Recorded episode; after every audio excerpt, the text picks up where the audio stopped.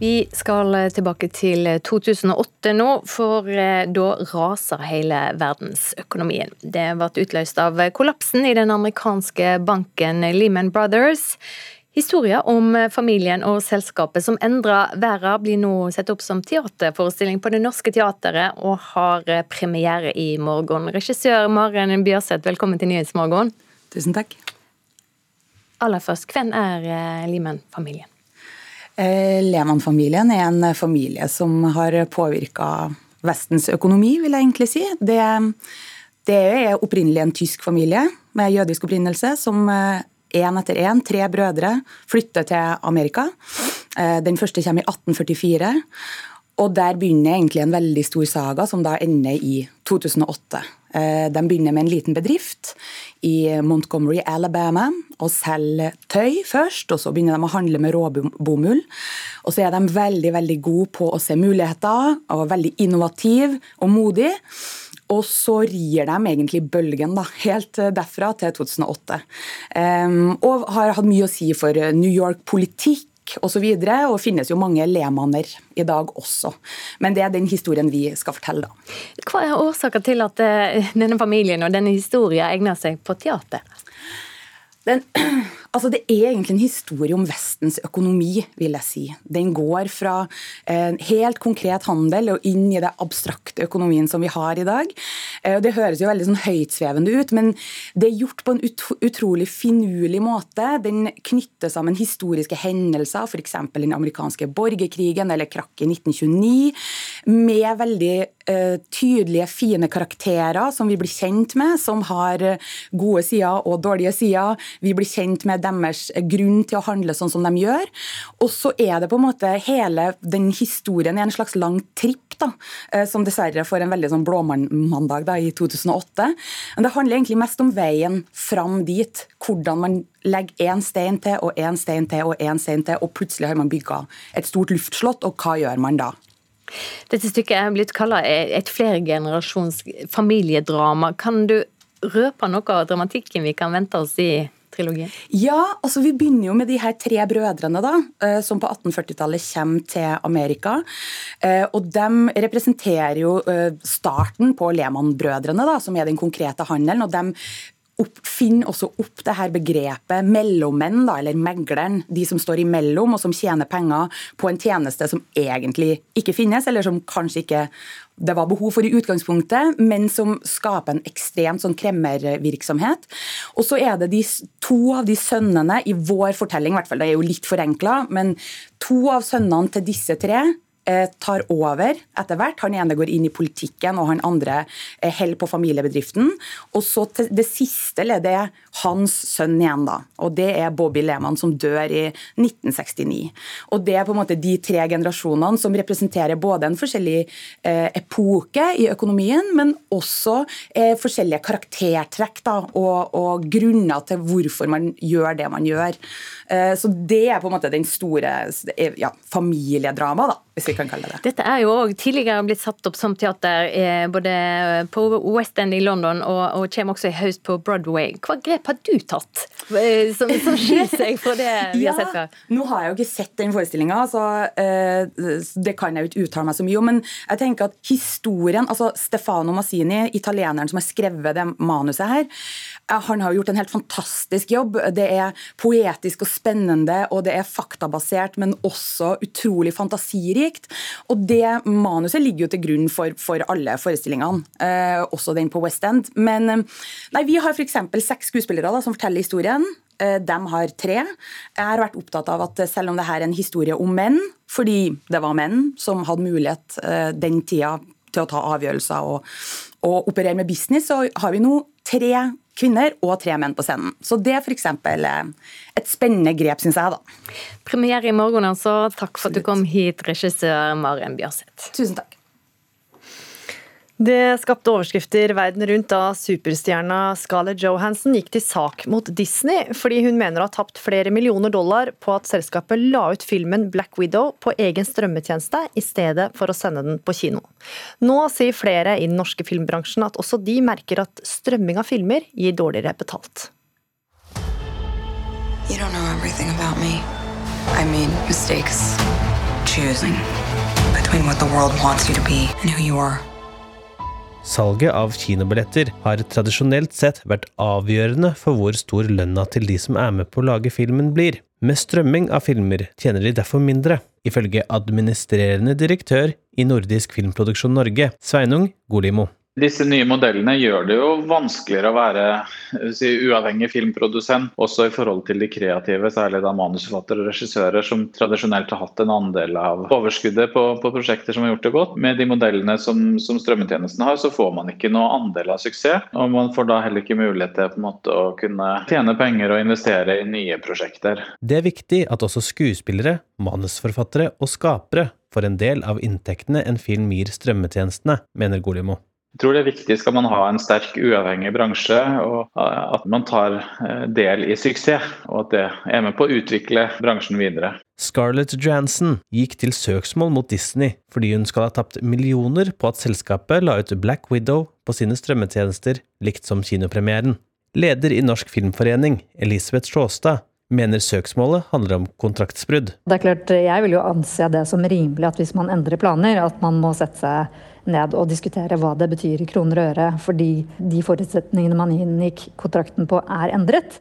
Hun tror ikke søksmålet nødvendigvis vil ha en stor betydning for den norske filmbransjen, men at det setter ting i perspektiv. Man må være årvåken på hvordan teknologien utvikler seg, og at eh, både pga. pandemi og andre ting, så kan planer endre seg. Man må være mer fleksibel. Men det eh, er jo ikke til eh, hinder for at man skal være rimelig som Eh, i betaling eh, til de som er med, og som har på en måte eh, forventet et inntektsnivå som man også har blitt forespeilet. Det er mangelen på et godt betalingssystem som er en av de store utfordringene med strømming, ifølge leder i Norsk Skuespillerforbund, Knut Alfsen. Sluttbrukeren kjøper ikke billett, og det abonnementet er heller ikke for hver enkelt film. Abonnementet gir jo da publikum muligheten til å se en hel massevis av filmer.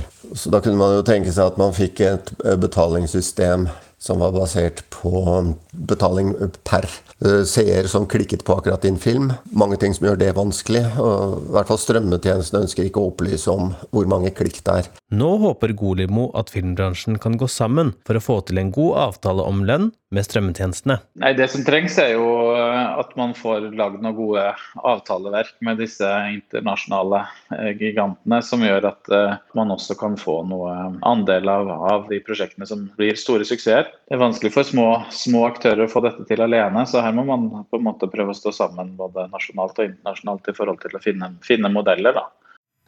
Og det var reporter Jonathan Gåthaug Nilsen som hadde snakka med flere i den norske filmbransjen. You've been working on yourself. I guess the therapist I found for you should really help. Now you can be a better man for your brand new girl. dette er superhiten til den amerikanske popstjerna Olivia Rodrigo. Nå har hun lagt til to nye låtskrivere på låta 'Olivia Good For You'. Hvorfor hun valgt å gjøre det, kulturreporter Muneve Gildis? Eh, jo, hun har eh, lagt til eh, medlemmene i bandet Paramore, eh, Hayley Williams og Josh Farrow, som låtskrivere til eh, den låta vi hørte nå. Og før jeg kom i studio, så sjekka jeg hvor mange lyttinger den har. Den har eh, bikket 700 millioner lyttere, og oppmerksomme fans da har påpekt at låta til superstjernen høres rett og slett ut som denne låta her.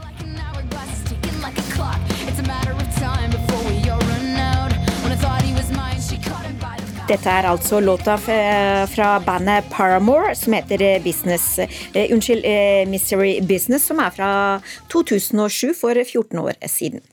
Det er ikke første gang dette har skjedd for Rodrigo? Nei, det er det faktisk ikke.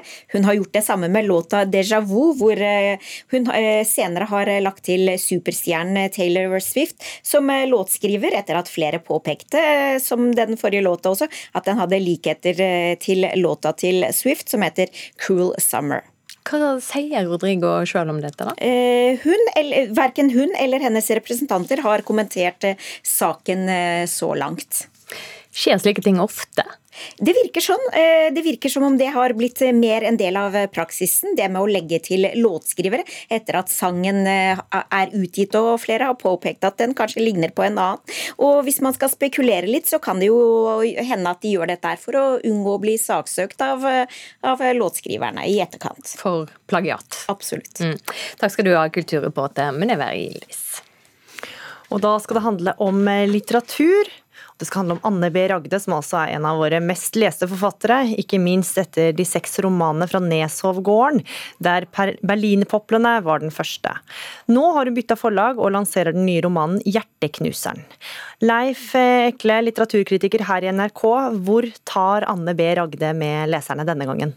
Bokstavelig talt til skogen og ei lita hytte nokså beskjeden. Der er eh, Jonetta Hogsnes på ferie. Eh, fra en ganske trist jobb eh, som hver mandag starter med at hun skal lage 20 liter brun saus i et storkjøkken. Litt kjedelig, altså. I skogen derimot har hun det ganske fint, hvis det ikke var for det at sønnen hennes Ragnar aldri kommer seg ut av moderhjemmet. Han bor hjemme, og han blir med på hytta når det er ferie. og Der ligger han stort sett inne på rommet, i senga, surfer på nettet, bedriver onani og ikke så mye mer annet enn det. Eh, dette er jo et ganske trist liv, da. Og det hele starter i det Jonetta har tatt med seg sin sønn i den gamle Volvoen til helsesenteret. Eh, i bygda, eh, fordi hun er helt sikker på at eh, sønnen har fått hjerneslag. Han oppfører seg da deretter. Det viser seg at han ikke har hjerneslag, han er dritings. Han har promille på 3,1 og må pumpes, og etterpå kan han få komme hjem igjen.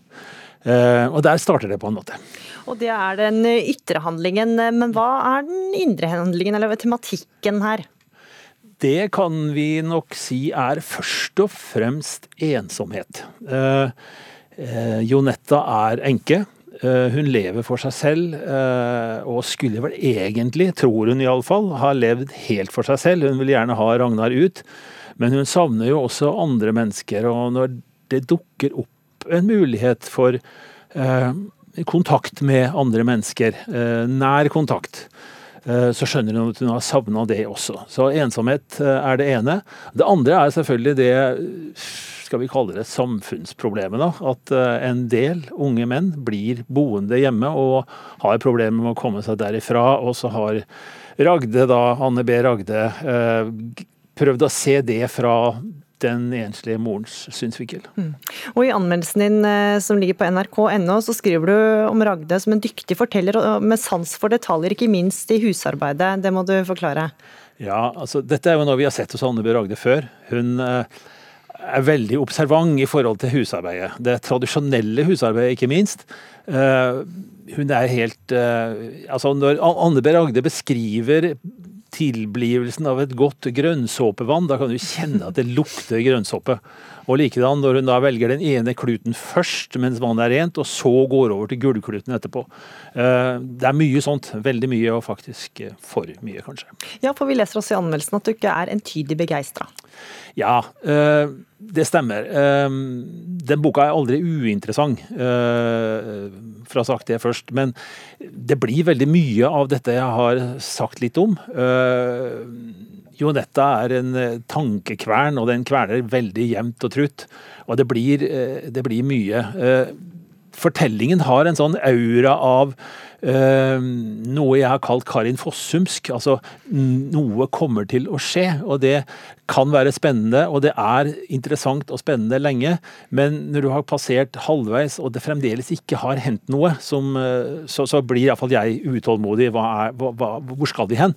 Det blir litt mange ord, og, og uh, det blir ja det, det, står litt stille, altså det går på tomgang. Men ellers så, så fungerer det jo, og, og, folk som har likt Anne B. Ragde før, vil helt sikkert like henne igjen. 'Hjerteknuseren' altså av Anne B. Ragde, og hvem denne hjerteknuseren er, får du lese og finne ut av selv. Flere anmeldelser på nrk.no. Punktum Anmeldelser. Leif Ekle, takk for at du var med.